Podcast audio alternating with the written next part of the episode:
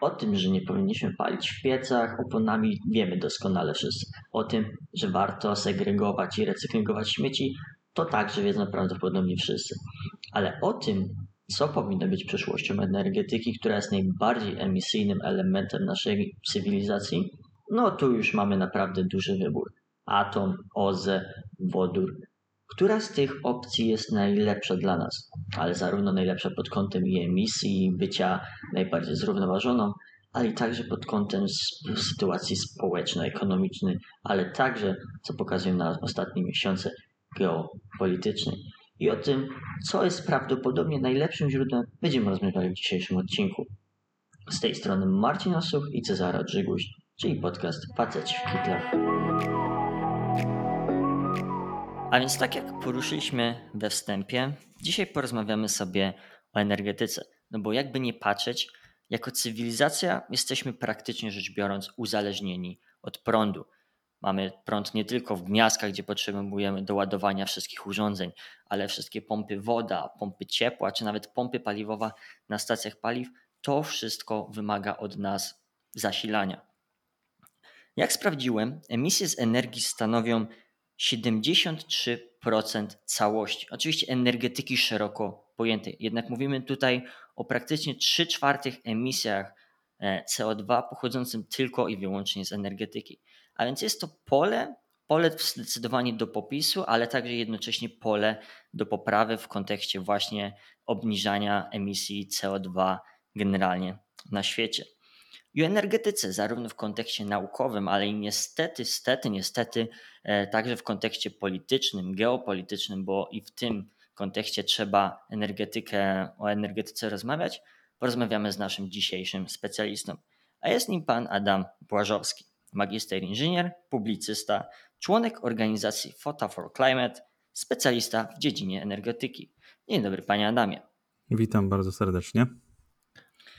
Ale zanim generalnie porozmawiamy o energetyce, o tym, co jest lepsze, czy atom, czy OZE, czy w ogóle jeszcze coś innego, to wydaje mi się, że na początek e, musielibyśmy poprosić o powiedzenie w ogóle, jakie mamy typy elektrowni na świecie. Jakiego typu generalnie na świecie a potem jakie w Polsce już u nas. W skrócie, to trzeba powiedzieć, że ludzkość jest jedynym gatunkiem, który ginie bez elektryczności. Więc elektryczność nam jest potrzebna do życia i mamy takie trzy największe źródła e, do pozyskiwania energii, która nam jest potrzebna do życia. Pierwsze źródło energii to jest bezpośrednia energia ze słońca.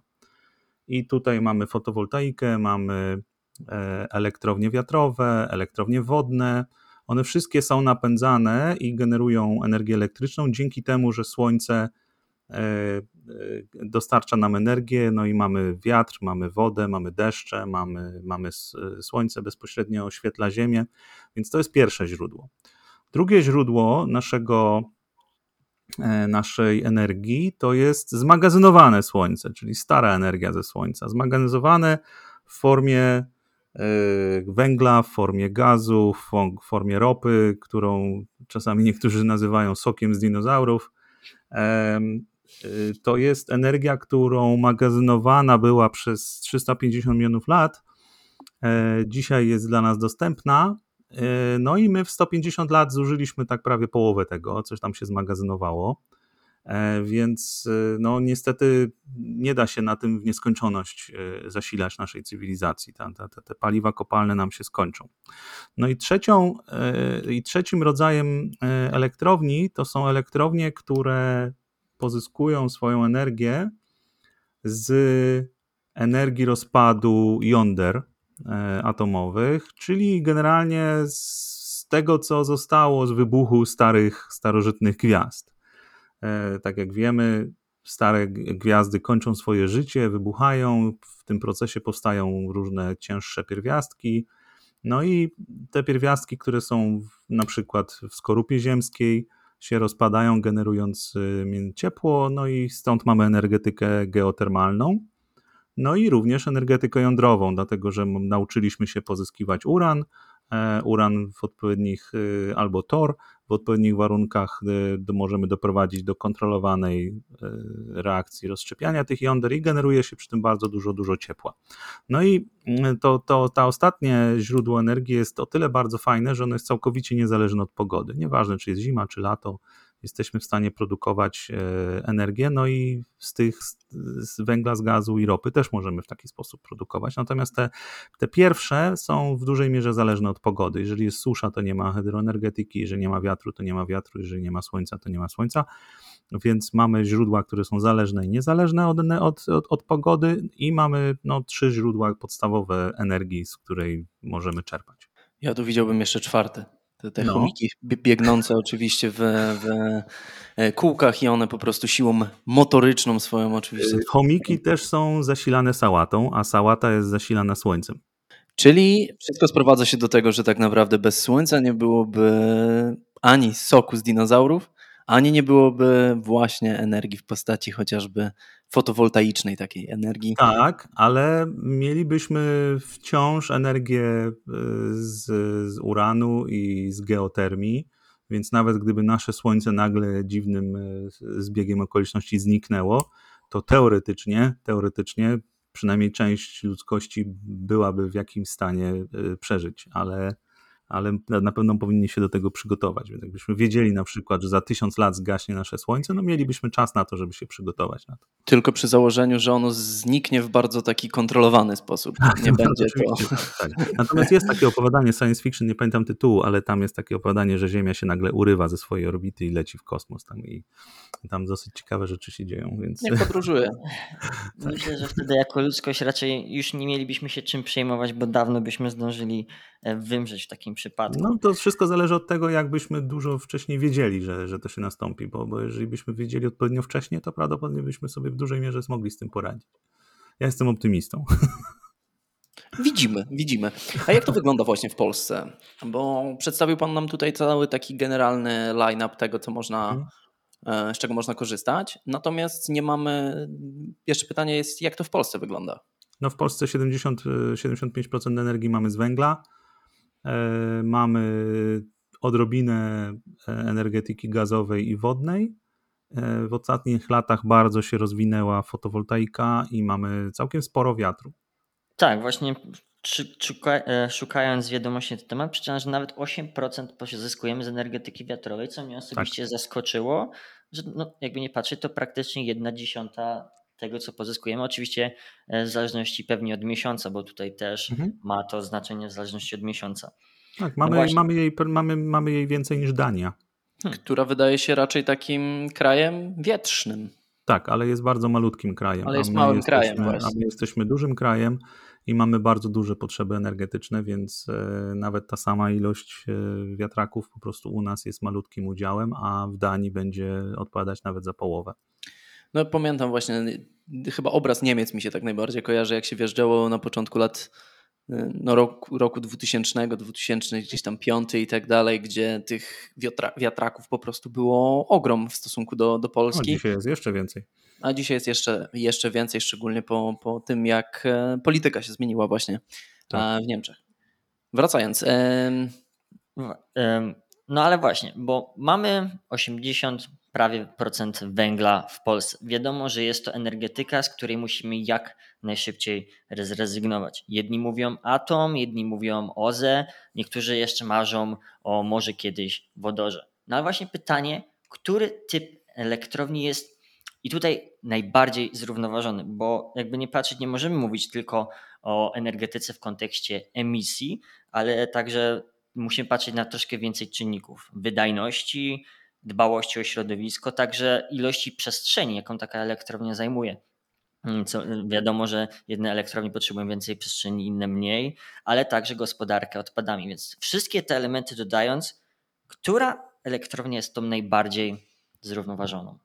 Znaczy, przede wszystkim ja jestem bardzo dużym przeciwnikiem takiego konfliktowania odnawialnych źródeł energii i atomu, bo po prostu wszystkie źródła mają swoje role I, I, raczej bym patrzył na energetykę jako na taką orkiestrę, gdzie, e, gdzie są różne instrumenty i po prostu im jest więcej różnych rodzajów, tym lepiej jest dla, dla, dla systemu energetycznego, bo jest bardziej stabilny i lepiej się uzupełnia. I generalnie rozmawiając o transformacji i o energetyce, musimy pamiętać o tym, to, to dotyczy wszystkiego. To jest jedna z ważniejszych rzeczy, jak rozmawiamy o ochronie klimatu i transformacji. To jest to, że zawsze jest coś za coś. Jeżeli mówimy o, o, o, o e, transformacji w rolnictwie, w budownictwie albo w energetyce, to zawsze jest coś za coś. I e, no ja jestem przeciwnikiem takiej, takiej wizji 100% OZE. E, uważam, że ona jest no, niepraktyczna, wręcz bym powiedział nawet niebezpieczna. I jestem dużym zwolennikiem tego, żeby OZE były mm, połączone razem z atomem, dlatego że to nam pozwoli szybciej się pozbyć węgla i gazu, o ile oczywiście zakładamy całkowitą dekarbonizację. Bo jeżeli nie zakładamy całkowitej dekarbonizacji, tylko chcemy tam dojść do 50-60% w miarę szybko, to nam ten atom nie jest potrzebny. Tylko, że potem zawiesimy się na węglu i na gazie, tak jak to się teraz stało w Niemczech. E, I będzie bardzo, bardzo ciężko z tego wyjść. E, I po prostu lepiej by było, żebyśmy mieli zarówno OZE, jak i atom. E, I atom ma też tą zaletę właśnie, jeżeli chodzi o zrównoważenie, że on ma bardzo, jest bardzo gęsty energetycznie, a gęstość energetyczna to jest taka cecha, która pozwala wyprodukować bardzo dużo energii w małym obszarze. Jeżeli mówimy o tym reaktorze Olkiluoto 3, który tak długo się budował w Finlandii i teraz rusza, no to on jeden na kilku hektarach jest postawiony i on produkuje więcej energii niż wszystkie wiatraki Danii. Albo porównywalnie. No, chyba więcej nie, ale porównywalnie e, chyba 13 do 16 terawatogodzin, to troszkę mniej, ale, e, ale no to jest ogromna zaleta dla przyrody, ogromna zaleta dla przyrody, dlatego że atom po prostu oszczędza przyrodę w ten sposób, zamiast budować ogromne, no to jest, ja bym chciał, żebyśmy w Polsce mieli dużo energii wiatrowej, ale bym nie chciał, żebyśmy mieli na przykład 15 e, tysięcy e, wiatraków więcej niż, niż jak moglibyśmy mieć atom i wtedy 15 tysięcy wiatraków można by było nie budować. To by było lepsze dla przyrody. Mhm. Tu mówimy o takiej różnicy. Jedna elektrownia atomowa na nas. Jedna, jed, jeden, reaktor, jeden reaktor to jest około 2-3 tysięcy. Jeden, reak, jeden reaktor czy jeden blok, bo elektrownia ma bloki.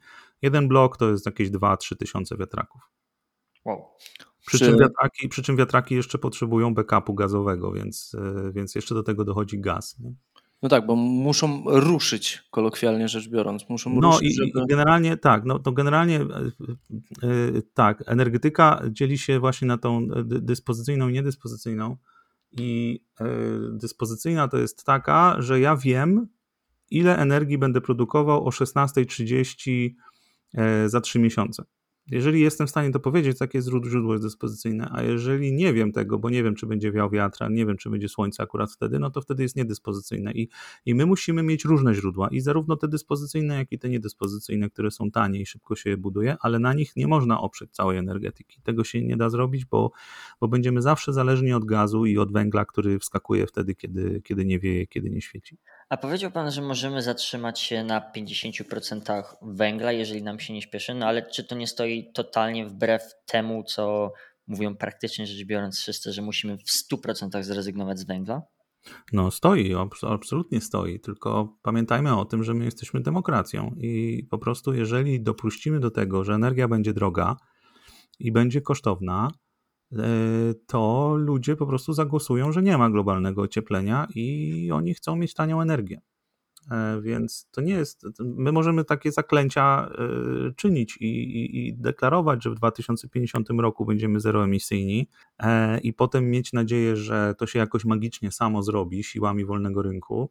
No ale ten kryzys energetyczny pokazuje, że to tak nie działa, i, i widzimy, że Niemcy na potęgę wracają do energetyki węglowej zamknęli sobie prawie całość swojego atomu i dzisiaj restartują energetykę węglową w ogromnych ilościach, dlatego że zabrakło im gazu z Rosji.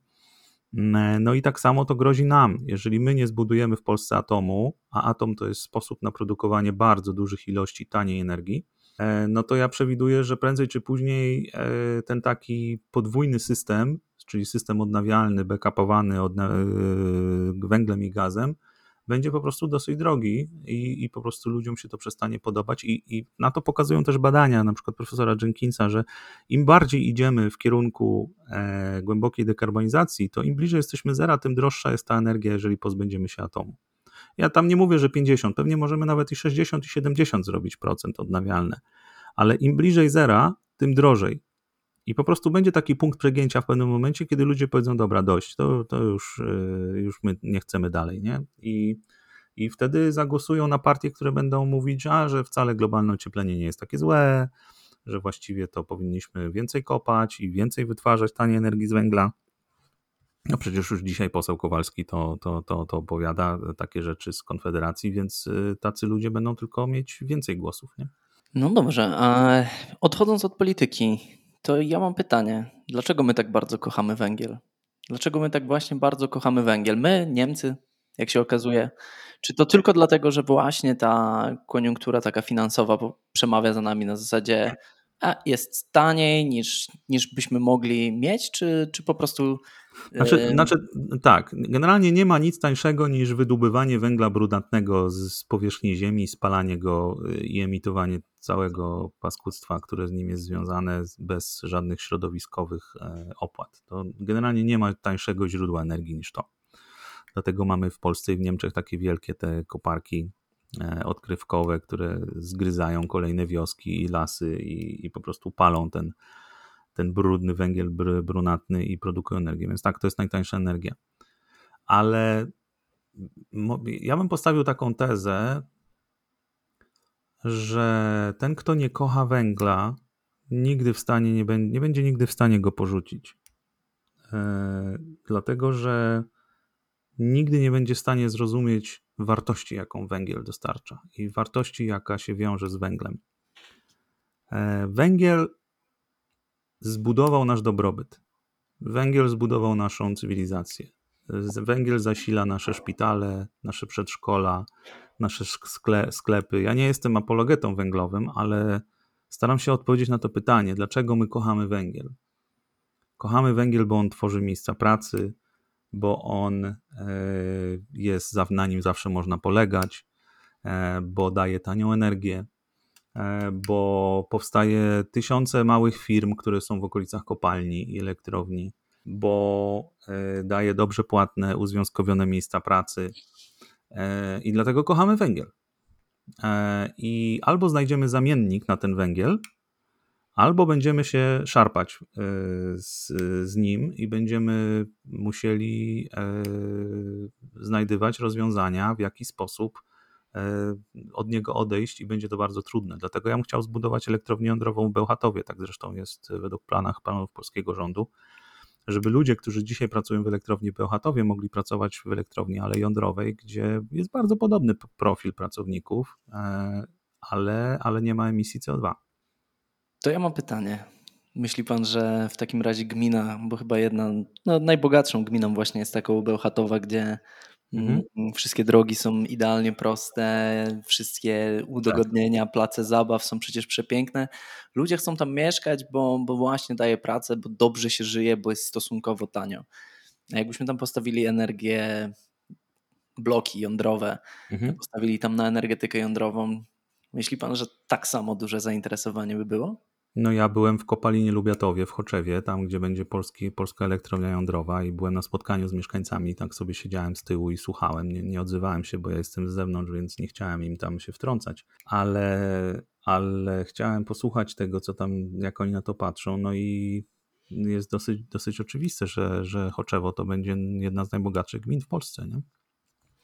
Okej, okay, ale czy dlatego... ludzie nie będą bali się? Bo moim zdaniem to, co nas broni przed, znaczy inaczej, blokuje przed atomem, to pomijając fakt y, dużego przywiązania do mm, węgla, to właśnie mm, mentalność związana z obawami. Czy to nie jest strach po prostu? Nie były takie badania, były, były, takie badania w Wielkiej Brytanii ludzi, którzy mieszkają przy elektrowni jądrowej. Czego oni się boją? Oni się boją tylko jednej rzeczy. Oni się boją, że ktoś im tą elektrownię zamknie. dlatego że elektrownia jądrowa płaci e, podatki, tak jak każda inna, 2% wartości i, i, i to są gigantyczne pieniądze. Te, te, te, gminy, w których takie elektrownie są postawione, mają często problem z wydawaniem tych pieniędzy, bo oni nawet nie wiedzą na co je wydawać, więc ten, bur, ten wójt y, Choczewa to napis w TVN nie powiedział coś takiego, że no będziemy brzydcy, ale bogaci. Ja mam obawę właśnie, że bardziej się martwią o atom nie gminy, w których ta elektrownia się znajdzie, ale te wszystkie naokoło, co zresztą No to widać tutaj nawet... polski, to polski, polski rząd to przewidział i tam jest podział tych, tych to nie, nie będzie tak, że wszystko będzie szło do Choczewa, tylko wszystkie gminy, gminy e, około, naokoło też dostaną pieniądze, więc hmm. przewidzieli to. I takie rzeczy można robić z atomem, bo, bo atom zajmuje rzeczywiście kilka hektarów i po, po prostu generuje, no taka elektrownia ma przychody w rzędu 200-250 milionów złotych miesięcznie. Więc jedna trzecia tego idzie na paliwo, na obsługę, na ludzi, na, na, na, na pracowników, a dwie trzecie zostaje e, do spłaty kredytu, spłaty odsetek, spłaty podatków itd. Tak itd. Tak mhm. Więc e, no, to są, to są gigantyczne pieniądze, astronomiczne kwoty. Czy to nie brzmiałoby pięknie, gdyby część z tych pieniędzy potem lokowana była właśnie w e, próbę naprawienia tej sytuacji, jaka jest właśnie wyrządzana niejako klimatowi, gminom, które stoją właśnie blisko węgla? No, po to jest system ETS, czyli e, system e, handlu emisjami, taki znienawidzony przez niektórych naszych polityków. E, to jest, on polega na tym, że właśnie wszystkie węglowe źródła i gazowe są obłożone taką specjalną opłatą i te pieniądze są zabierane i wpłacane są do budżetu państwa i państwo powinno ten, te, te pieniądze rozdawać właśnie na, na, na, na niwelowanie zmian klimatu. Tak to właśnie powinno działać. Więc y, no w sytuacji atomu nie będzie tych opłat ETS-owych, bo, bo jest zeroemisyjny. No ale atom płaci podatki, więc te podatki są dla nas wszystkich. No a przede wszystkim tania energia tutaj będzie bardzo ważna, bo, bo atom generuje bardzo dużo taniej energii. Czy my mamy możliwość e, w Polsce korzystania? Mamy zasoby na to, żeby produkować energię atomową? Mamy, absolutnie. Y, nad Bałtykiem mamy już wybraną lokalizację. Jest raport środowiskowy opublikowany, e, więc tam w tym miesiącu będziemy wybierać e, wykonawcę ostatecznego. Więc absolutnie tak. No mamy kilka lokalizacji. Bełchatów, Pątnów to są lokalizacje idealne dla, dla elektrowni jądrowej. Mhm. Ale czy źródło mamy? Mam na myśli tutaj uran, czy. czy... Nie musimy mieć źródła. Nie jest nam do niczego potrzebny. 6% uranu na świecie wydobywa Rosja, około 20, 12 chyba wydobywa Kazachstan, muszę sprawdzić dokładnie. Kanada bardzo dużo wydobywa, Australia. E, my jesteśmy w stanie, nawet nie sam uran nam jest potrzebny, tylko nam jest paliwo, czyli ono jeszcze musi być przetworzone. My sobie to paliwo możemy kupić u kilku sojuszników NATO i możemy sobie kupić to paliwo na, na zapas na 10 lat do przodu. No właśnie. Więc nie ma najmniejszego powodu, żebyśmy mieli sami produkować swoje paliwo. Możemy kupić sobie to, trzymać sobie w magazynie na 10 lat do przodu i nikt nam tego nie zabierze. Jesteśmy bezpieczni energetycznie. Atom daje bezpieczeństwo energetyczne, suwerenność. No właśnie, ale w kontekście zarzutów między innymi wobec elektrowni atomowych, a zalety OZE jest to, że mimo wszystko jesteśmy zależni od zewnętrznych krajów, tak? Jakby słońce świeci nasze, że tak powiem, polskie zasila naszą fotowoltaikę, mhm. a a uran mimo wszystko musimy gdzieś tam e, za granicą kupić. I to no ale. Co zresztą widać teraz w kontekście geopolitycznym, że wiele krajów uzależniło się także i my częściowo od węgla czy gazu z Rosji. Tak. Teraz wiele z nich jest, no, ma problem, tak? Ale nie ma, nie ma czegoś takiego jak, jak nie, stuprocentowa niezależność po prostu. My możemy sobie wybierać e, mniejsze albo lepsze zło, ale no 80% paneli fotowoltaicznych na świecie jest zrobione w Chinach z czego jedna trzecia przy użyciu niewolników, Ujgurów. E, I są takie prognozy, że w 2025 roku 95% paneli fotowoltaicznych będzie robione w Chinach. Już będą mieli to, totalną, całkowitą dominację rynku. No więc mm, owszem, jak już kupimy te panele od tych, od tych Chińczyków, no to one będą na naszym własnym słońcu. Ale panele fotowoltaiczne muszą być uzupełniane czymś, więc, e, więc to z kolei wymaga gazu a gaz będziemy importować z różnych krajów, z Norwegii, albo z Arabii Saudyjskiej, albo z Kataru. Więc no zawsze jest coś za coś, a w przypadku atomu, e, no to paliwo możemy mieć na zapas. E, mamy swoje własne kadry, przyuczymy ludzi, którzy to będą ten, no i możemy serwisować jakieś pompy albo jakąś elektronikę za granicą, ale, ale na to są długoterminowe umowy i jeżeli robimy to z sojusznikami, no to nie robimy po to, żeby sobie robić krzywdę, tylko żeby razem robić biznes. Więc e, no to w każdym biznesie tak jest. Przecież energetyka wiatrowa też nie jest produkowana w, w Polsce. Nie, nie, nie robimy wszystkich elementów turbin wiatrowych w Polsce. Mhm. A zostając jeszcze przy sytuacji geopolitycznej, e, wiadomo, że Polska nie jest najlepszym przykładem, jeśli chodzi o energetykę. Ostatnio patrząc na naszego zachodniego sąsiada, też nie ma za bardzo na co patrzeć jako dobry przykład. Czy jest jakiś kraj, który jest pod kątem energetyki najlepszy, na którego moglibyśmy patrzeć, tak, chcemy być jak ten kraj, to on wyznacza trendy i powinniśmy podejmować takie kwestie w kontekście energetyki, jak właśnie ten kraj. Czy, czy mamy jakiś kraj? Ja bym, ja bym taki krytyczny nie był co do Polski, bo, bo naprawdę zbudowaliśmy Baltic Pipe, zbudowaliśmy gazoport, e, jakoś sobie poradziliśmy z tym, poradzimy sobie, mam nadzieję, z tym, z tym kryzysem. Dużo moim zdaniem lepiej niż Niemcy, którzy nie mają ani jednego gazoportu. E, I to nie jest przypadek, że nie mają gazoportu, po prostu tam e, no, były bardzo silne naciski, również przez różne fundacje finansowane przez Gazprom, które sabotowały i blokowały budowanie gazoportów, więc my mimo wszystko jesteśmy w lepszej sytuacji. Niemcy mają bardzo duży, duży problem teraz. E, ale tak, no, no jest to przykład takiego no, uzależnienia się od importu. Zresztą Niemcy dalej w to idą, bo teraz e, będą chcieli importować e, wodór ze, z różnych krajów z całego świata, więc one dalej będą uzależnieni od, od, od Kanady, od Indii, od, od Namibii. Nawet w Namibii chcą, chcą produkować wodór, importować, dlatego że oni wiedzą i rozumieją, że oni nie są w stanie wyprodukować samymi źródłami odnawialnymi tyle wodoru, żeby swoją gospodarkę zasilić, więc nigdy nie będą samowystarczalni, nawet przy w tym modelu OZE. A co do kraju, który dobrze to zrobił, to ja bym powiedział, że na pewno y, dobrym przykładem jest, y, jest y, Szwajcaria, jest Szwecja, to są kraje, które łączą OZE i atom bardzo, bardzo sprytnie. No, Francja też jest dobrym przykładem na to.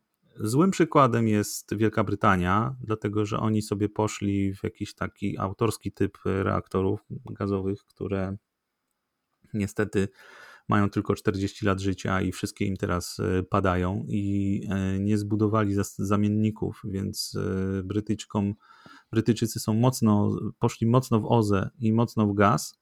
To te, te źródła się bardzo lubią. OZE i gaz bardzo pasują do siebie, no ale niestety znika im atom i gaz jednocześnie jest potwornie drogi na rynkach, więc Brytyjczycy mają teraz straszny problem. Ontario w Kanadzie jest, jest prawie zeroemisyjne w energetyce dzięki elektrowniom wodnym i atomowi. No jest trochę takich przykładów. Zastanawiam się, bo faktycznie niestety, niestety energetyka jest taką rzeczą, która bardzo, ale to bardzo wpływa na nastroje mm, i w ogóle sytuacje geopolityczne. Jej brak może skutkować zmianami o 180 stopni w polityce. Ja się zastanawiam ostatnimi czasy, czy niektóre z tych krajów z uwagi na taką, a nie inne decyzje podejmowane, nie grozi im blackout po prostu. Wygaszenie na zasadzie na jakiś czas będziemy musieli, e, niektóre kraje będą musiały wprowadzać limity energetyczne, mm, żeby przetrwać, mhm, żeby po prostu funkcjonować. Rozmawiałem jakiś czas temu z koleżanką bodajże, która odwiedziła Malezję, wydaje mi się. Oni tam mają notoryczne braki dostawy w prądu bodajże po 3 godziny mhm. dziennie. I to nawet nie jest jakoś regulowane. W sensie nie jest to tak, że zawsze o 9 do 12 nie ma prądu. A po prostu, tak, tak. teraz e, nie ma akurat. I teraz pytanie brzmi, czy my, Europejczycy, szeroko mm, idźmy, możemy spodziewać się takiej sytuacji, że będziemy musieli limitować energię. Moim zdaniem, znaczy e, stricte definicja blackoutu jest, jest e, taka bardziej katastroficzna i, e, i taki prawdziwy blackout to, to kiedy jest całkowite zaćmienie wszystkiego, to jest, to jest katastrofa. To jest katastrofa humanitarna, katastrofa społeczna, przemysłowa. Więc taki blackout nam nie grozi, bo wciąż mamy dużo węgla. To, że Niemcy teraz wracają na, na, na pełni do węgla, uruchamiają kilkanaście gigawatów już takich wyłączonych elektrowni węglowych, to jest właśnie ich zapobiegliwość. Oni na tę okazję specjalnie sobie te elektrownie jak gdyby za, zamrozili, ale ich całkowicie nie rozebrali. Rozebrali jądrowe, ale węglowe zostawili w spokoju. E, I, i to, że teraz wracają do tego, no to, to jest próba uniknięcia tego blackoutu. Więc nie, nie sądzę, żeby, żeby takie coś się stało. Natomiast y, no, mogą być ograniczenia, ale te ograniczenia, y, one raczej pierwsze dotykają przemysł, czyli siada produkcja nawozów sztucznych, e, siada produkcja automotive, jakieś takie inne rzeczy i, i, i mieszkańcom, mm, którzy głosują e, nie będzie zabierany prąd, bo to by było bardzo, bardzo tragicznie. Natomiast y, no, później jest problem, y, jak wytłumaczyć właścicielom tych, tych, tych zakładów produkcyjnych, że oni nie zrobią kontraktu, zapłacą kary za niedostarczenie czegoś, bo nie było prądu. Więc trudno jest prosić inwestorów, żeby zainwestowali w Polsce, e, jednocześnie wyłączając im prąd. Myśmy w 2015 roku mieli taką sytuację.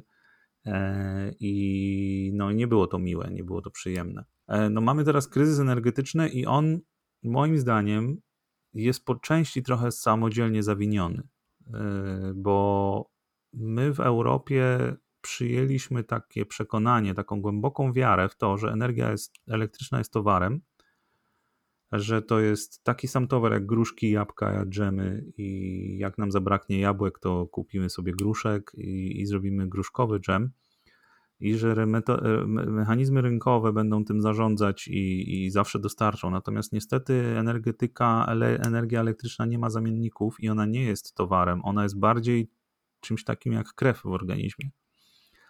I po prostu jak mamy niedokrwistość, to zaczynają szwankować kolejne organy, i nie ma zamienników. Nie, ma, nie, nie, da się zam, zam, z, z, nie da się zamienić braku elektronów czymś innym. Po prostu musimy wygenerować więcej elektronów. E, no i, i trochę, trochę, trochę się sami wystawiliśmy na ten strzał ze strony Putina, e, że, że po prostu za mało mamy tych dyspozycyjnych źródeł mocy, które mogą wchodzić wtedy, kiedy właśnie jest problem. Niemcy teraz ciągną taką wielką, gigantyczną barkę z Turcji, E, która spala mazut. E, naj, naj, najgorszy, najgorszy, najgorszy z najgorszych z tych soków z dinozaurów.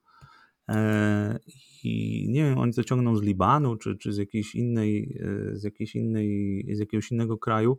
I on będzie stał w porcie tylko po to, żeby jak nie będzie wiatru, to żeby spalać ten mazut i żeby zasilać dalej, nie? I i podtrzymywać e, sieć energetyczną, więc no, jest to jakiś krok wstecz. My zapomnieliśmy o tym, że, że bezpieczeństwo energetyczne jest ważne, zapomnieliśmy o tym, że, że dyspozycyjne źródła są ważne, inne niż gazowe, bo wcześniej to gaz miał być tym paliwem przejściowym. Wszyscy o tym mówili, że gaz to jest dobre paliwo przejściowe do drogi do 100% OZE. No i, mm, e, no i teraz mamy problem. Jako Europa robimy troszkę krok wstecz. W kontekście porozumienia paryskiego mamy dwie daty. 2050 i 2030. 2050 to zerowe emisje, 2030 to przycięcie ich o połowę w stosunku do tego, co mamy teraz. I zastanawiam się, słuchając wszystkiego naokoło i w kontekście tego, jak na przykład w przykładzie Polski jesteśmy, no jeszcze troszkę do podpisania umów atomowych i ich zbudowania. Czy my w ogóle jesteśmy w stanie zdążyć z transformacją energetyczną do tych dwóch dat? No, szczególnie ta, ta druga data, 2050, to jest tak odległa, że właściwie politycy mogą sobie obiecywać, co chcą. I w żaden sposób nikt ich z tego nie rozliczy, bo oni już dawno nie będą przy władzy, więc to nic nie kosztuje takie obiecywanie, że my będziemy zeroemisyjny 2050. 2030 myślę, że no może na to wciąż szansa jest, chociaż mała, no na pewno wyłączanie atomu w Europie, jak to się działo w, Belgii, jak to się dzieje cały czas w Belgii. Belgowie sobie wyłączyli przedwcześnie reaktor jądrowy 3, dwa miesiące temu. E, Niemcy w, w grudniu wyłączyli trzy reaktory jądrowe. E, teraz zdecydowali się wydłużyć te swoje reaktory jądrowe jeszcze do, e, do kwietnia. No to na pewno rezygnowanie z atomu Francja sobie wyłączyła, Fessenheim. Więc te, umiera te, ta antyatomowa narracja w Europie, po prostu ten kryzys ją, ją po prostu pochłonął i zaczynają ludzie rozumieć, że wyłączanie atomu zwiększa emisję CO2 e, i zwiększa je znacznie, dlatego że w miejsce atomu wchodzą, wchodzi brudny miks energetyczny. Więc no albo będziemy, no na pewno nie zbudujemy za dużo atomu do 2030 roku. To, co możemy zrobić, to możemy zatrzymać tą, to, to szaleństwo wyłączania atomu przedwczesne, Szwedzi sobie wyłączyli Ringhals dwa reaktory dwa lata temu, bo, bo, no bo tak. I dzisiaj płaczą, bo mają straszny kryzys energetyczny na południu Szwecji. Mają niedobory energii. I już Vattenfall ogłosił, że będą budowali nowe elektrownie jądrowe. No można było tego uniknąć, gdyby nie wyłączyli sobie tego atomu. Więc na pewno warto budować OZE i warto y, zatrzymać y, wyłączanie atomu, żeby do 2030 roku coś, coś były szanse, żeby coś dowieść. Natomiast do 2050 no to my musimy budować IPCC to mówi że, prosto, że IPCC mówi, że udział OZE, atomu i źródeł węglowych i gazowych z CCS-em, czyli wyłapywaniem CO2, powinien ośmiokrotnie wzrosnąć. Więc to w IPCC jest jak, jak byk. Gdy myślimy sobie o atomie właśnie w kontekście całej gospodarki, najczęściej chyba e, gdzieś z tyłu głowy pobrzmiewa nam ta, ta kwestia bezpieczeństwa, o której rozmawialiśmy, ale e, zastanawiam się, czy możemy, kiedy możemy tak naprawdę w Polsce, przy założeniu, że ok, dziś podpisujemy dokument, który mówi budujemy Ile trwa powstanie takiej elektrowni jądrowej? No, według tego harmonogramu to jest 2030, 2033 rok, kiedy będzie pierwsza, krytyczny, pierwsza krytyczność i uruchomienie, więc no, buduje się to sporo. E, buduje się, to sporo, ale no, powinno tak to trwać. Powinno to trwać długo, dlatego że chcemy, żeby to było porządnie zbudowane. Chcemy porządny raport środowiskowy, chcemy konsultacje, konsultacje transgraniczne, żeby potem inne państwa nam tego nie blokowały. E, chcemy mieć czas na to, żeby się przygotować do tego porządnie i żeby potem, potem już idzie z górki, dlatego że jak się zacznie budować pierwszy blok, skończy się fundamenty, zaczyna się budować wyspę jądrową, to się zaczyna wylewać y, pod następny blok i to się buduje jeden za drugim i każdy następny jest szybciej, szybciej. Więc y, no ja pamiętam jak premier Tusk obiecywał, że w 2020 roku będzie, 2020 y, będzie pierwsza elektrownia, no i niestety to się nie stało. E, więc gdybyśmy nie zarzucili żarnowca, e, mhm. który, który nie powstał, a w zamian za żarnowiec powstała elektrownia węglowa Opole, no to może byśmy dzisiaj byli tak jak Słowacja, która za rok będzie miała całkowicie już zeroemisyjną energetykę i będą tylko spalać węgiel na eksport do Polski. E, mhm. już będą mieli zdekarbonizowaną energetykę.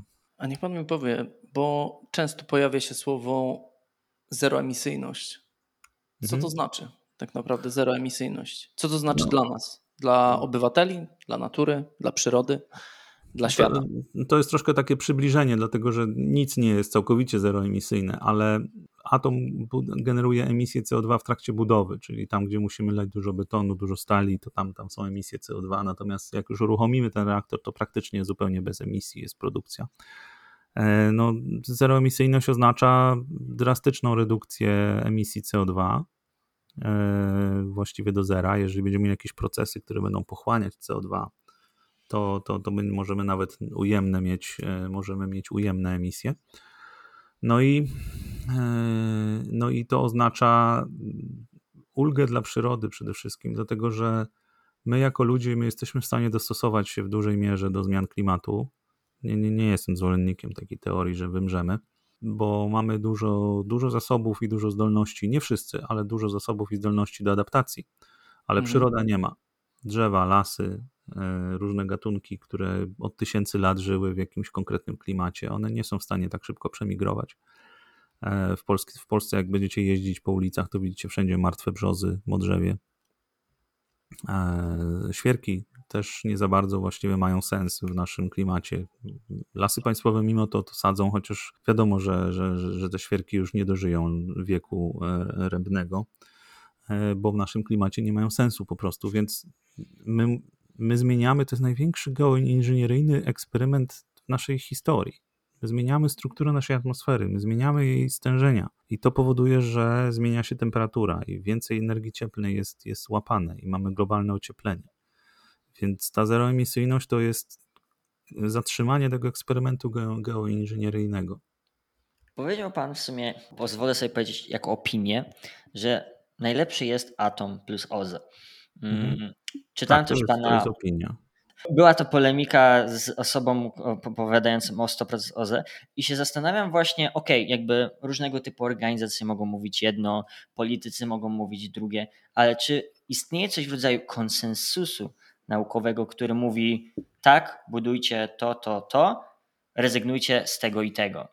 Czy, czy jako mm. świat naukowy, mhm. powiedzmy raport IPCC mówi wprost, róbcie to, to, czy jedynie daje co najwyżej pewne przesłanki?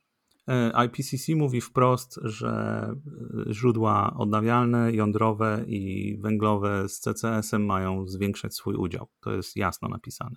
We wszystkich czterech modelowych scenariuszach w poprzednim raporcie udział atomu rósł. Polska Akademia Nauk, e, Komitet do Spraw Klimatu mówi jasno, że atom w polskich warunkach klimatycznych jest niezbędny i że musimy budować ponad podziałami politycznymi zgodę na temat energii jądrowej. Więc to, to nie wiem, czy, czy można mówić o jakimś większym konsensusie w tej kwestii. Natomiast y, no, nie ma się co ukrywać, że po prostu wiele organizacji antyatomowych y, no, jak gdyby przespała ten moment mm, i, i nie jest im to w smak. E, więc no jak gdyby mają swoje publikacje, mają swoich, e, mają swoich własnych e, no jak gdyby ludzi, którzy piszą artykuły i komunikują fakty na ten temat i, swoje opinie. No i, i, i Atom też ma wrogów, ma, Atom też ma wrogów, tego nie, nie należy unikać. I, I po prostu tak jest. Natomiast warto powiedzieć, że IPCC nie mówi, macie robić to i to i to, tak krok po kroku a IPCC przegląda dorobek naukowy, jaki jest obecnie na rynku, że tak powiem naukowym, pokazuje i mówi, no nasza najlepszy, nasz najlepszy stan wiedzy jest taki, że jeżeli zrobimy to i to i to, to się musi, to się stanie tak, a jeżeli chcielibyśmy osiągnąć taki, taki cel, no to takie opublikowano prace i w tych pracach modelowano, że że będzie tak i tak. E, I, I, mamy tylko modele, mamy, nie mamy drugiej ziemi, na której możemy sprawdzać e, eksperymentalnie, co się będzie działo, tylko po prostu troszkę wróżymy sobie, e, zakładamy jakieś założenia, mamy, patrzymy, jak ten model będzie działał, wyciągamy jakieś wnioski z tego. Dla wielu ludzi, wielu ludzi myli modele ze scenariuszami. To nie jest tak, że ten model to jest jak gdyby taki scenariusz krok po kroku, y, co się będzie działo. To są modele, to są tylko przybliżenia możliwej przyszłości, z której my możemy wyciągać jakieś wnioski. E, ale, ale tak, no jest sporo antyatomowych publicystów i jest sporo antyatomowych y, aktywistów, którzy no całe życie walczyli przeciwko tego atom, temu atomowi, jeszcze w czasach, kiedy w ogóle o globalnym ociepleniu się nie mówiło no i nie mają zamiaru zmieniać e, swojego punktu widzenia. No i atom po prostu tak ma, ale to, to nie tylko atom, przecież mamy też aktywistów antywiatrakowych, nie? Mamy, mamy bardzo dużo organizacji, w Niemczech jest mnóstwo organizacji, które zwalczają wiatraki. I po prostu każde źródło energii ma, ma, ma swoich przeciwników. No, także każde źródło energii ma swoje plusy i minusy. Jakby tak. elektro, elektrownie wiatrowe wiatraki też mają swoje minusy, chociażby tak. związane z bezpieczeństwem ptaków, między innymi. E, jeden z takich ciekawych argumentów, których słyszałem w kontekście właśnie antyatomowym, jest to, że powinniśmy jako społeczeństwo odebrać tą palmę tworzenia energetyki państwu, e, jakimś wielkim korporacjom, tylko że energetykę powinien tworzyć każdy z nas, tak? Nasza spółdzielnia mieszkaniowa e, tutaj w Poznaniu Winogrady powinna stworzyć własną e, spółdzielnię energetyczną z własnymi wiatrakami, fotowoltaiką i tak dalej, i tak dalej. I się zastanawiam właśnie, czy takie spółdzielnie w ogóle mają sens i czy rzeczywiście możemy oddać społeczeństwu odpowiedzialność za coś, tak jakby nie patrzeć, kluczowego dla cywilizacji, jak właśnie energetykę. To jest dosyć skomplikowana sprawa i, i, ponieważ ja zawodowo się angażuję w tworzenie takich spółdzielni, ja nie pracuję dla atomu. Atom to jest jak gdyby, mówię o tym dlatego, że to jest moim zdaniem zapomniany temat. Ja się zajmuję szeroko transformacją energetyczną i po prostu tylko dlatego mówię o atomie, że, że po prostu mało się o nim e, rozmawia z tej perspektywy klimatycznej, e, ale mam do czynienia ze spółdzielniami, też pomagam, e, pomagam z ich tworzeniem i robię software dla nich. To ma sens jak najbardziej. Natomiast no, zawsze jest coś za coś. Przede wszystkim to nie jest tak, że energetyka odnawialna jest spółdzielcza. E, energetyka odnawialna też jest e, bardzo często zarządzana przez ogromne koncerny i bardzo często są to te same koncerny, które również e, produkują gaz. Więc, więc to, nie jest, to nie jest tak, że, że, że, że to wszystko, te wszystkie wiatraki to są zbudowane przez lokalnych spółdzielców. Ale, ale owszem, tak. I jeżeli tak można zbudować, to super, to, to, to, to tylko, tylko lepiej. Natomiast warto pamiętać o tym, że to jest w pewnym momencie, do pewnego stopnia to jest takie romantyczne marzenie. to jest typowy taki romantyczny y, trend, y, że, że my tutaj wszyscy na swoje własne potrzeby i sami sobie generujemy, jesteśmy niezależni i właściwie najlepiej, żeby się w ogóle odciąć od tej brudnej energetyki. To jest, to jest romantyczne marzenie i jest ono w dużej mierze utopijne, dlatego że jeżeli mamy spółdzielnię mieszkaniową w bloku i mamy 10 pięter, i na każdego mieszkańca przypada 2 metry kwadratowe dachu, no to nie, nie ma szans, żeby, żeby oni byli niezależni energetycznie, e, samowystarczalni energetycznie. Już nie mówię tak bilansowo, że w lecie sobie wyprodukują, a w zimie odbiorą. Ale tak naprawdę, żeby się odciąć od tej sieci, no to, to, to, to, nie ma takiej możliwości. I dobrze, dlatego że sieć jest naszym skarbem. Skarbem to jest sieć, to jest zdobycz techniki, to jest największa maszyna, jaką ludzie zbudowali. Im większa jest ta sieć, tym e, jest bardziej stabilna i tym bardziej jest odporna, więc e, właśnie po to jest ten atom, żeby utrzymywać tą sieć e, wtedy, kiedy, kiedy jest potrzeba i żeby, żeby, żeby ona była oparta o atom, a OZE mogą oszczędzać spalanie paliw kopalnych, OZE mogą produkować wodór, niech sobie ten atom pracuje w podstawie, jeżeli OZE będzie za dużo, to niech sobie produkuje wodór z tego. I Polska nigdy nie schodzi poniżej 13 gigawatów zapotrzebowania, no to produkujmy te 13 gigawatów za to e, a na resztę weźmiemy sobie OZE i z OZE możemy produkować wodór i, i, i może będziemy bilansować w ten sposób system energetyczny. Tak będzie taniej po prostu. Hmm. Mm, więc te, ta, ta sam spółdzielczość y, jest, jest troszkę takim marzeniem, ale z drugiej strony atom też jak najbardziej może być spółdzielczy. Można mieć komunalną energetykę jądrową. Ja mam na Twitterze taki wątek e, o modelu Sacho, to jest właśnie model finansowy, w którym państwo buduje atom, ale potem się wyzbywa tych udziałów i sprzedaje samorządom. Na przykład gmina Katowice albo metropolia GZM yy, albo Gdańsk mogą sobie wykupić 5% takiego bloku jądrowego i mieć po prostu super tanią energię yy, non-stop. A akurat gminy potrzebują prądu non-stop, bo mają pompy ścieków, bo mają transport miejski, bo mają no, milion różnych zastosowań dla no, szpital potrzebuje prądu non-stop i idealnie pasuje atom i on jest całkowicie spółdzielczy. To wszystko spełnia wszystkie kryteria demokracji energetycznej, jeżeli, jeżeli to samorządy będą właścicielami takiej energetyki jądrowej do spółki z jakąś na przykład dużą firmą. To jest jak najbardziej demokracja tak, energetyczna. Ale kiedy mówimy o takiej, kiedy ja przynajmniej mam w głowie taką spółdziel, spół, e, spółdzielnię energetyczną, to mam w głowie po prostu, że jako na osiedlu budujemy sobie własną fotowoltaikę i własne wiatraki, no ale mhm. w przypadku energetyki jądrowej no nie możemy sobie powiedzieć, że ok, teraz Poznań postawi sobie własną elektrownię elektrownię jądrową i no na nie, nie ale możemy wykupić udziały w elektrowni, która jest nad Bałtykiem. Mhm. to jest dokładnie to samo. To nie musi być w tym samym miejscu. Ta, ta wizja taka, że to musi być lokalne i że to musi być takie, takie właśnie na, na miarę ludzkich rozmiarów, ona się urodziła w głowie nikogo innego jak Schumachera. Schumacher napisał taką książkę Small is Beautiful Economics e, as if People Mattered. I, I ta książka w latach 70. zrobiła niesamowitą furorę, bo no bo właśnie on, on taką wizję snuł właśnie takiej małej energetyki, takiej, no tutaj kocioł na biomasę, tutaj mały palnik gazowy, grzejnik gazowy, czy, czy, jakiś, e, czy jakaś fotowoltaika, czy jakiś wiatrak i takie małe rzeczy, no, no takie rzeczy można robić w małej wiosce. Ale tam, gdzie mamy miasto, tak jak Warszawa na przykład, czy Poznań, czy Wrocław, to, to nie da się tego ogrzać żadną odnawialną energetyką w, sensownych, w sensowny sposób. E, bez e, no, wdzierania się na gminy sąsiednie, sąsiednie i obarczania jej e, ich ogromnymi ilościami wiatraków. Była taka sytuacja, Monachium chciało wdrożyć plan 100% OZE i wykupili sobie tereny w Norwegii, żeby tam dużo wiatraków zbudować. No i Norwedzy powiedzieli, że nie, oni się nie zgadzają na to, że oni wolą mieć ptaki, E, oni nie będą poświęcać swojego krajobrazu po to, żeby Monachium było 100% OZE. Więc no ta wizja, pamiętajmy, że to są wizje romantyczne bardzo, a, a, a teraz szczególnie ta wojna to moim zdaniem jest trochę koniec tego romantyzmu i teraz będzie się liczył pragmatyzm. Teraz się będzie liczyło po prostu e, kto będzie miał ciepło, a kto nie będzie miał ciepło. I, i, i trochę moim zdaniem to nie znaczy, że spółdzielnie są złe, ale one mają zastosowanie, ale, ale nie idźmy za daleko z tym, nie, nie, nie przesadzajmy.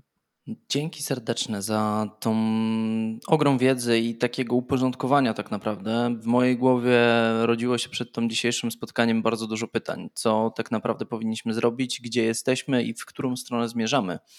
Teraz e, większość e, odpowiedzi na te pytania mam, znam i wiem, jak już podejmować polemikę, to w których obszarach właśnie najbardziej się na niej skupiać. Ale ostatnie pytanie, które zadajemy każdemu z naszych gości w tym sezonie, a mianowicie, co ty uważasz za najważniejsze, żeby społeczeństwo robiło? To znaczy, jeden przekaz dla przeciętnego Polaka, co powinien robić, żeby zadbać o środowisko, bo taki jest tytuł naszego sezonu, temat sezonu. E, to ja odpowiem troszkę przewrotnie i powiem, że e, ważne jest silne państwo, silne i zdrowe instytucje, szanowane prawo, uczciwi, rzetelni urzędnicy, którzy mają posłuch i mogą realizować to, co do nich należy. Dlatego, że siła państwa i siła i dobrobyt jest oparty na instytucjach. I chciałbym słuchaczy przestrzec przed takim myśleniem, że, że ja się tutaj odetnę, ja wyjadę sobie, zbuduję dom w lesie, rzucę to wszystko i będę sam samowystarczalny, a reszta niech się pali, e, dlatego że to do niczego dobrego nie prowadzi. My sobie musimy poradzić w tym całym w tym całą sprawą wspólnie. To jest wspólny wysiłek e, ponad podziałami politycznymi, ponad e, różnymi naszymi problemami, e, które nie są związane z klimatem, ale są jakieś kulturowe czy światopoglądowe. My musimy mieć silne instytucje, dlatego że silne instytucje to jest jedyna ochrona, jaką my mamy przed takim bezlitosnym, brutalnym e, działaniem tej niewidzialnej ręki rynku, która najchętniej skonsumowałaby wszystko i zoptymalizowałaby wszystko. Ona ma swoje zalety też. To nie jest tak, że jestem przeciwnikiem wolnego rynku. Nie. Mamy w Konstytucji zapisaną społeczną gospodarką rynkową i właśnie silne instytucje i poszanowanie prawa, poszanowanie e, nawet to, że płacimy mandat, jak, jak ten mandat trzeba zapłacić, czy, czy, czy, czy pilnujemy się e, znaków e, na drodze, albo czytamy instrukcje, jak wchodzimy do parku. To są wszystko takie rzeczy, które powodują, że mm, my razem jesteśmy silniejsi. I, a to wynika z takiego głębokiego przekonania, że my jesteśmy na tej planecie i mamy na niej zamiar być dłużej, ale nie jesteśmy tutaj pasażerami. To nie jest tak, że ten statek Ziemia wędruje przez kosmos i, e, i my po prostu bezwiednie e, jedziemy tak jak pchły na, na psie, e, tylko my jesteśmy załogą tego statku. My jesteśmy załogą, my decydujemy, co się będzie z nim działo, w jaki sposób systemy podtrzymywania życia funkcjonują, w jaki sposób jest klimatyzacja uruchomiona, w jaki sposób y, no, zarządzamy tym, tym środowiskiem. I, I biosfera jest od nas zależna, bo jeżeli my nie zrobimy swojego zadania, to, to biosfera też polegnie e, z tego powodu. I my musimy wziąć odpowiedzialność zarzucić już te romantyczne takie wizje, takie troszkę odklejone, a powinniśmy zacząć mówić o konkretach i o praktycznych, o praktycznej, konkretnej odpowiedzialności za siebie, za nasze dzieci, za nasze państwo, za nasz kraj, za, za naszą Europę, za, za świat.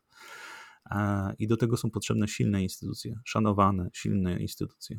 To bardzo ważny przekaz został nam przekazany, a mianowicie być, ja bym to nazwał patriotą ekologicznym w tak. pewnym momencie i takim oddanym dla mm, idei, idei tak. związanej właśnie z ekologią. I, I, nieważne, czy ta instytucja jest pisowska, czy platformerska, czy, czy, czy lewicowa. Instytucja to jest instytucja. Ona powinna być instytucją niezależnie od tego, jaka władza aktualnie rządzi. Ja wiem, że to jest marzenie, co ja teraz mówię, ale, ale, ale tak powinniśmy myśleć i tak powinniśmy funkcjonować, a przynajmniej zakładać, że tak jest. E, mhm. Chyba, że ktoś nam udowodni, że tak nie jest. Natomiast to jest strasznie ważne, żeby, żeby się tym, e, żeby, żeby myśleć o tym jako, jako nad czymś, co jest naszym wspólnym dobrem. Dzięki serdeczne za dzisiejszą rozmowę. Mm, naprawdę wiele tematów zostało rozjaśnionych i myślę, że każdy po wysłuchaniu dzisiejszego odcinka e, orientuje się w podstawowych pojęciach, a na pewno wyrabiał, był w stanie wyrobić sobie zdanie w, o tym, jak powinniśmy mówić o energii i na czym powinniśmy skupiać się jako państwo i pozostawać wciąż otwartym na to, jakie możliwości daje nam, jakby nie patrzeć, natura, atom, czy cokolwiek, co może napędzić naszą gospodarkę. No i tak jak wspomniałeś, żeby nie być obojętnym i być patriotą ekologicznym. Dziękuję serdecznie jeszcze raz za rozmowę. No i cóż. Też bardzo dziękuję i zapraszam na Twittera małpa Adam Blazowski. Tam jeżeli ktoś uważa, że nie mam racji, a to jest całkiem możliwe, to bardzo chętnie posłucham i mogę dyskutować. Tak, Twitter to główne medium, w którym nasz rozmówca dzisiejszy e, operuje. E, warto sam zahaczyć, jeżeli ktoś ma Twittera, bo naprawdę mm, merytorycznie widziałem, że opiniujesz naprawdę wiele rzeczy i mhm. francuskie, francuskie doniesienie, i angielskie wszelakie. Tak. Więc zapraszam Super. do polemiki. Dzięki bardzo. Dzięki serdecznie.